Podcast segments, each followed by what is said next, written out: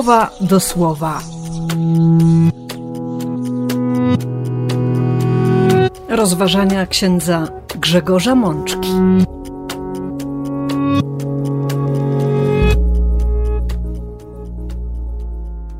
Szesnasta niedziela zwykła, rok A.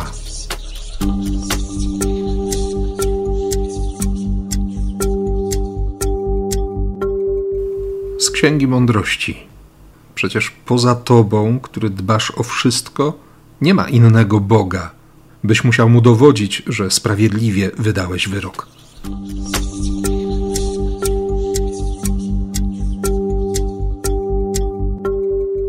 Z Psalmu 86. Panie, jesteś dobry i łagodny i bardzo łaskawy dla wszystkich, którzy Cię wzywają.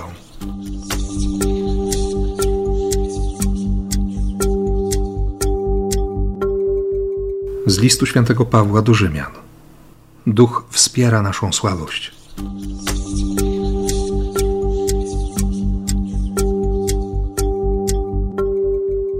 Z Ewangelii według świętego Mateusza. Czy chcesz, byśmy poszli i usunęli je? Nie, byście przypadkiem usuwając chwasty, nie wyrwali wraz z nim pszenicy.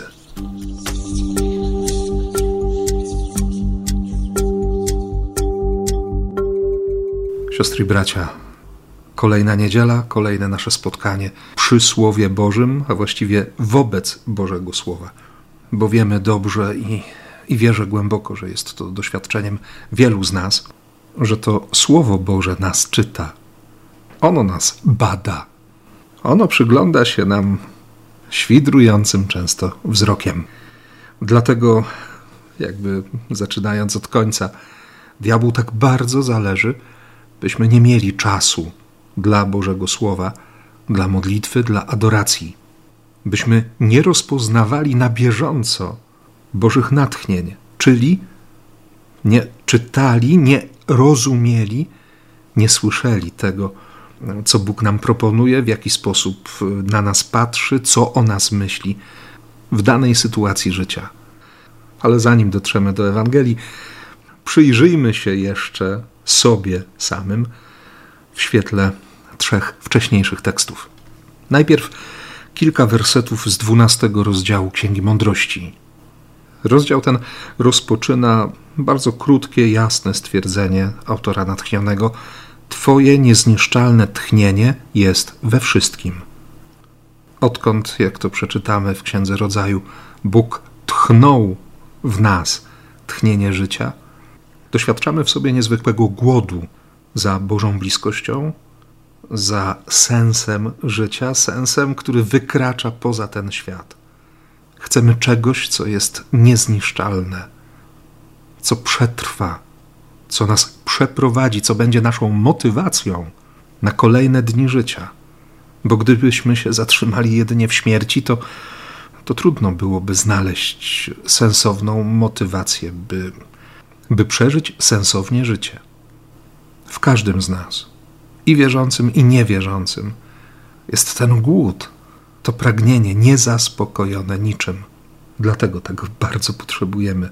Potrzebujemy łaski, potrzebujemy Boga, potrzebujemy miłości, która przetrwa, miłości, która jest silniejsza niż śmierć. I autor Księgi Mądrości bez wahania bez żadnych wątpliwości stwierdza, że, że przecież nie ma żadnych bogów na świecie, by Pan zastępów musiał przeprowadzać jakieś uzasadnienie, że, że sprawiedliwie to wszystko, co się dzieje na świecie i to, w jaki sposób świat wygląda, uczynił. Oczywiście jest tutaj wcześniej mowa o konsekwencjach grzechu, o tak zwanym karaniu.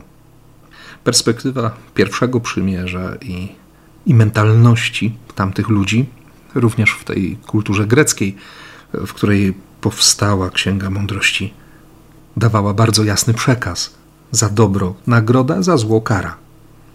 My dziś, świadomi tego, co uczynił Jezus i pamiętając słowa świętego Pawła, a także fragmenty listu do Hebrajczyków, w których autorzy natchnieni zachęcają nas, byśmy podeszli z zaufaniem, ze śmiałością do tronu łaski, jakim jest krzyż, bo tam otrzymujemy przebaczenie, możemy patrzeć na tego, któregośmy przebili naszym grzechem, naszą niewiernością i brać od niego życie. W rozumieniu ludzi zakorzenionych w pierwszym przymierzu było to nie do pojęcia, nie do przyjęcia. Dlatego to pierwsze czytanie daje nam podkład, pewien fundament mówiący o Bożej sprawiedliwości. O tym, że Bóg naprawdę wie, co jest dobre. I że owszem, objawia moc tam, gdzie się nie wierzy Jego potędze, zawstydza tych, którzy ważą się na zuchwałość, ale równocześnie jako ten, który jest wszechmogący, który ma władzę nad wszystkim, absolutnie wszystko, całe swoje stworzenie podtrzymuje w istnieniu, bo jest miłośnikiem życia. Stąd czas na pokutę za grzech, na odwrócenie się od zła, na konkretny i świadomy wybór łaski. Jeden z rabinów na łożu śmierci, e, kiedy jego uczniowie prosili o, o to słowo, ostatnie słowo, o przesłanie, które będzie testamentem duchowym, powiedział: Obyście się bali Boga tak, jak się boicie ludzi. Nie rozumiejąc tego stwierdzenia, dopytywali i żądali wręcz wyjaśnienia. W odpowiedzi usłyszeli: Nie boicie się grzeszyć, gdy widzi was tylko Bóg, ale boicie się grzechu, gdyby miał go zobaczyć jakikolwiek człowiek. Sporo żeśmy poprzestawiali w naszej głowie. Dlatego tak bardzo na nowo potrzebujemy Bożego spojrzenia, potrzebujemy Bożego Ducha. Bóg nie musi udowadniać nam swojej sprawiedliwości. Bóg okazuje nam i udowadnia nieustannie swoje miłosierdzie. Pojawia się jednak pytanie, czy zwracamy uwagę na te dowody Bożej życzliwości i łaski? Jak bardzo ważne jest dla nas to, co On myśli. Dlatego z ogromną nadzieją czytam i modlę się kolejnym tekstem, fragmentem Psalmu 86. Modlitwą dla Dawida. Psalm, który rozpoczyna się od wezwania: Nachyl, panie, swego ucha, wysłuchaj mnie, bo jestem żebrakiem i nędzę cierpię. Zlituj się nade mną, bo każdego dnia wołam do ciebie. Napełnij radością duszę swego sługi, bo tę duszę swoją do ciebie, panie, wznoszę. I kolejne wersety usłyszymy już w dzisiejszej liturgii, że Pan jest dobry, że jest łagodny, że bardzo łaskawy, że liczymy na to, że On dopuści do swoich uszu nasze modlitwy, że dostęp do siebie da wołaniu naszych próśb. Niezachwiana pewność, że ta relacja ma sens, że Bogu zależy, że jest Bogiem rzeczy niemożliwych. Bo rzeczywiście gdy patrzę na siebie, robiąc rachunek sumienia, moje zbawienie stoi pod sporym znakiem zapytania. I nie chodzi bynajmniej o fałszywą pokorę, czy, czy jakąś nieświadomość, lub usilne doszukiwanie się grzechu tam, gdzie tego grzechu nie ma. Nie, nie mam skrupułów. Wiem, że jestem grzesznikiem, tak jak każdy z nas, siostry i bracia. I jednocześnie z zachwytem patrzę na Boga, który okazuje mi miłosierdzie. Tak jak zachwyca mnie w każdej spowiedzi świadomość tego, że na grzechy wyznane przez moje siostry i moich braci Bóg odpowiada łaską. Ażby się chciało powiedzieć lekką ręką odpuszcza im grzechy. A jednak doskonale wiem, jaki jest koszt każdego rozgrzeszenia, jaka cena została zapłacona, byśmy byli wolni od zła i konsekwencji zła, które popełniamy. Zdaję sobie z tego sprawę, choć na pewno nie doceniam, bo gdybym wiedział i gdybym docenił wartość tej miłości Boga objawionej na krzyżu i zmartwychwstałej dla mojego usprawiedliwienia, to nigdy nie popełniłbym drugi raz tego samego grzechu. Dlatego cieszę się też nadzieją, którą daje mi dzisiaj apostoł narodów we fragmencie ósmego rozdziału listu do Rzymian. W zależności od tłumaczenia, dwa, trzy zdania, które składają się na 26 i 27 werset tego rozdziału. Duch Boży został nam dany po to, aby wspierać nas na tej drodze i umacniać w chwilach słabości. Kiedy bowiem w naszej wędrówce drogą zbawienia tracimy siły i grzęźniemy w sytuacjach, w których brakuje nam świadomości tego, o co lub jak dalej się modlić, to pamiętajmy, że Duch Boży nieustannie wspiera naszego ducha w jego nieogarnionych i niewysłowionych błaganiach. Najwyższy zaś, będąc znakomitym znawcą ludzkich serc, doskonale rozumie zamysły naszego ducha, który pod wpływem Bożego Ducha, a więc zgodnie z Jego wolą, umiejętnie zabiega o co trzeba. Tłumaczenie nowego przekładu dynamicznego nieco różni się od tego, co usłyszymy w liturgii, ale myślę, że, że warto jest e, usłyszeć ten tekst w jakiejś nowej, świeżej jakości. Otrzymujemy nieustannie Ducha Świętego. Duch przychodzi do nas, żeby nas umacniać, żeby nas wspierać. Bo przecież każdy z nas doświadczył w swoim życiu takich chwil, w których nie wiedzieliśmy o co się modlić, zastanawialiśmy się nad sensem zatrzymywania się przed Bogiem. Mieliśmy wątpliwości, czy On słucha, czy zwraca uwagę na to, co do Niego mówimy. A święty Paweł przypomina, że Duch Boży nieustannie wspiera naszego ducha w tych nieogarnionych i, i niewysłowionych błaganiach, bo często wołamy, nie potrafiąc wypowiedzieć we właściwy sposób naszych myśli, naszych tęsknot, naszych pragnień. I w kolejnym zdaniu, w tym 27 wersecie, pojawia się przepiękne określenie tego umiejętnego zabiegania o to, co trzeba, co jest właściwe, o skuteczność modlitwy. Mianowicie chodzi o trafianie do celu. Kiedy święty Paweł będzie pisał o grzechach, w ogóle o doświadczeniu grzechu, będzie mówił o tym, że, że grzech jest nieumiejętnością trafienia do celu. Chcę uczynić dobro, ale chybiam.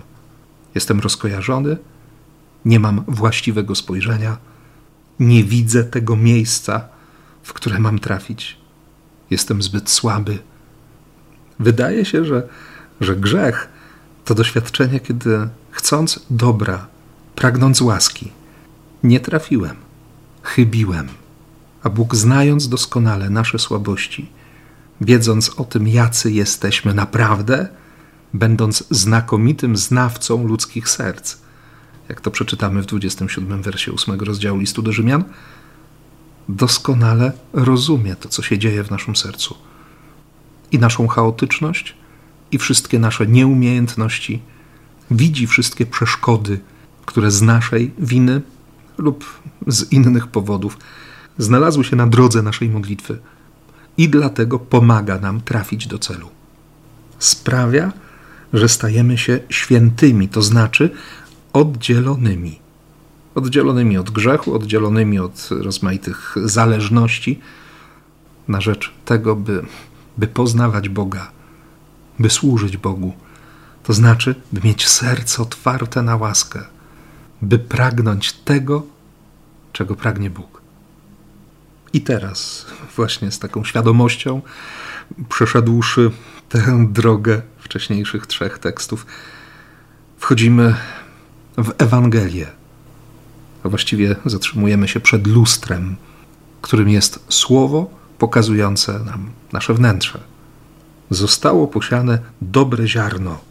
Były wspaniałe rekolekcje, cudowna pielgrzymka, niespodziewane spotkanie, z którego, z którego wynikało samo dobro. Czas adoracji, w którym się niebo dla nas otwarło. Warto pomyśleć o takich momentach, kiedy czytamy to pierwsze zdanie dzisiejszej Ewangelii. Na polu, które nie było bezpańskie, ale miało swojego właściciela, ów gospodarz posiał dobre ziarno. I przychodzi noc. Wszyscy śpią. Zjawia się wróg i dorzuca do zasiewu nasiona chwastów, konkretnie życicy, która jest łudząco podobna w pierwszych fazach rozwoju do rozwijających się ziaren pszenicznych. Ile razy po takim dobrym doświadczeniu, po dobrej, porządnej modlitwie, nagle Przychodziły jakieś pokusy, pojawiały się zwątpienia. Byliśmy stawiani w sytuacjach niezwykle trudnych. Diabeł perfidnie próbował w nas zasiać wątpliwości, odwrócić wzrok od łaski. A my z powodu własnej nieporadności czasami daliśmy się nabrać na to, że życica jest pszenicą, że dobro jest umowne i że w końcu mamy jako ludzie prawo do stanowienia o tym, co, co dobre, co właściwe, co daje przyszłość. Doświadczamy wszyscy misterium iniquitatis, czyli, czyli tej tajemnicy nieprawości, która pojawia się, która jest obecna w świecie. Jednocześnie mamy świadomość tego, że Bóg chce nas zbawić. I chodzi o to, aby zaufać Jego spojrzeniu.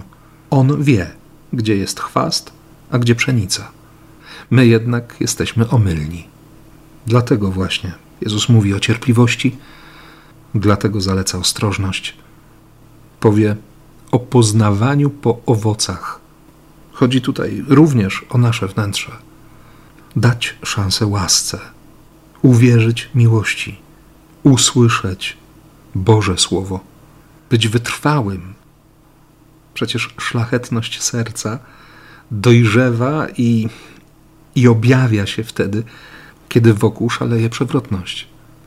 Odkrycie wartości Bożego Słowa i nauka bojaźni Bożej, czyli tego stawania przed Bogiem w szczerości, w prawdzie, objawia się wtedy, gdy jesteśmy kuszeni do odrzucenia Boga, do pychy, do wyboru egoizmu. Dlatego mówi się, że, że największa władza we wszechświecie to umiejętność panowania nad sobą. Zdolność do tego, by większą wagę przykładać do słów Boga niż słów ludzi, którzy nas otaczają. Wtedy i tylko wtedy może się objawić prawda przedstawiona w kolejnych przypowieściach Jezusa. Ziarnko gorczycy, niezwykle małe, prawie niezauważane, a mające w sobie taką siłę, że wyrasta jako drzewo, nawet na 4-5 metrów, dające schronienie i będące wielką pomocą dla tych, którzy, którzy po prostu potrzebują choć przez chwilę odpocząć. Nie bójmy się tego, że, że nie potrafimy często zrozumieć Bożego Słowa, Bożych planów. Że czasami łaska wydaje się tak nieprzyjemna jak zakwas, o którym Jezus mówi w kolejnej z przypowieści. Niepozorny, może i nawet nieprzyjemny, a jednak sprawiający, że te trzy miary, te kilogramy mąki dają się ugnieść w ciasto i wreszcie stają się chlebem z którego każdy może urwać taki kawałek, jaki jest mu potrzebny, by, by podtrzymać życie, by się nasycić, by nabrać sił, by iść dalej ku niebu, ku Bogu. Niech te przypowieści, siostry i bracia, owocują w nas. Niech Słowo wykona w nas tę pracę, którą sobie samo zamierzyło. I niech łaska poprowadzi nas w kolejnych dniach, byśmy nie marnowali życia, ale byli dla świata błogosławieństwem. Niech tak się stanie. Amen.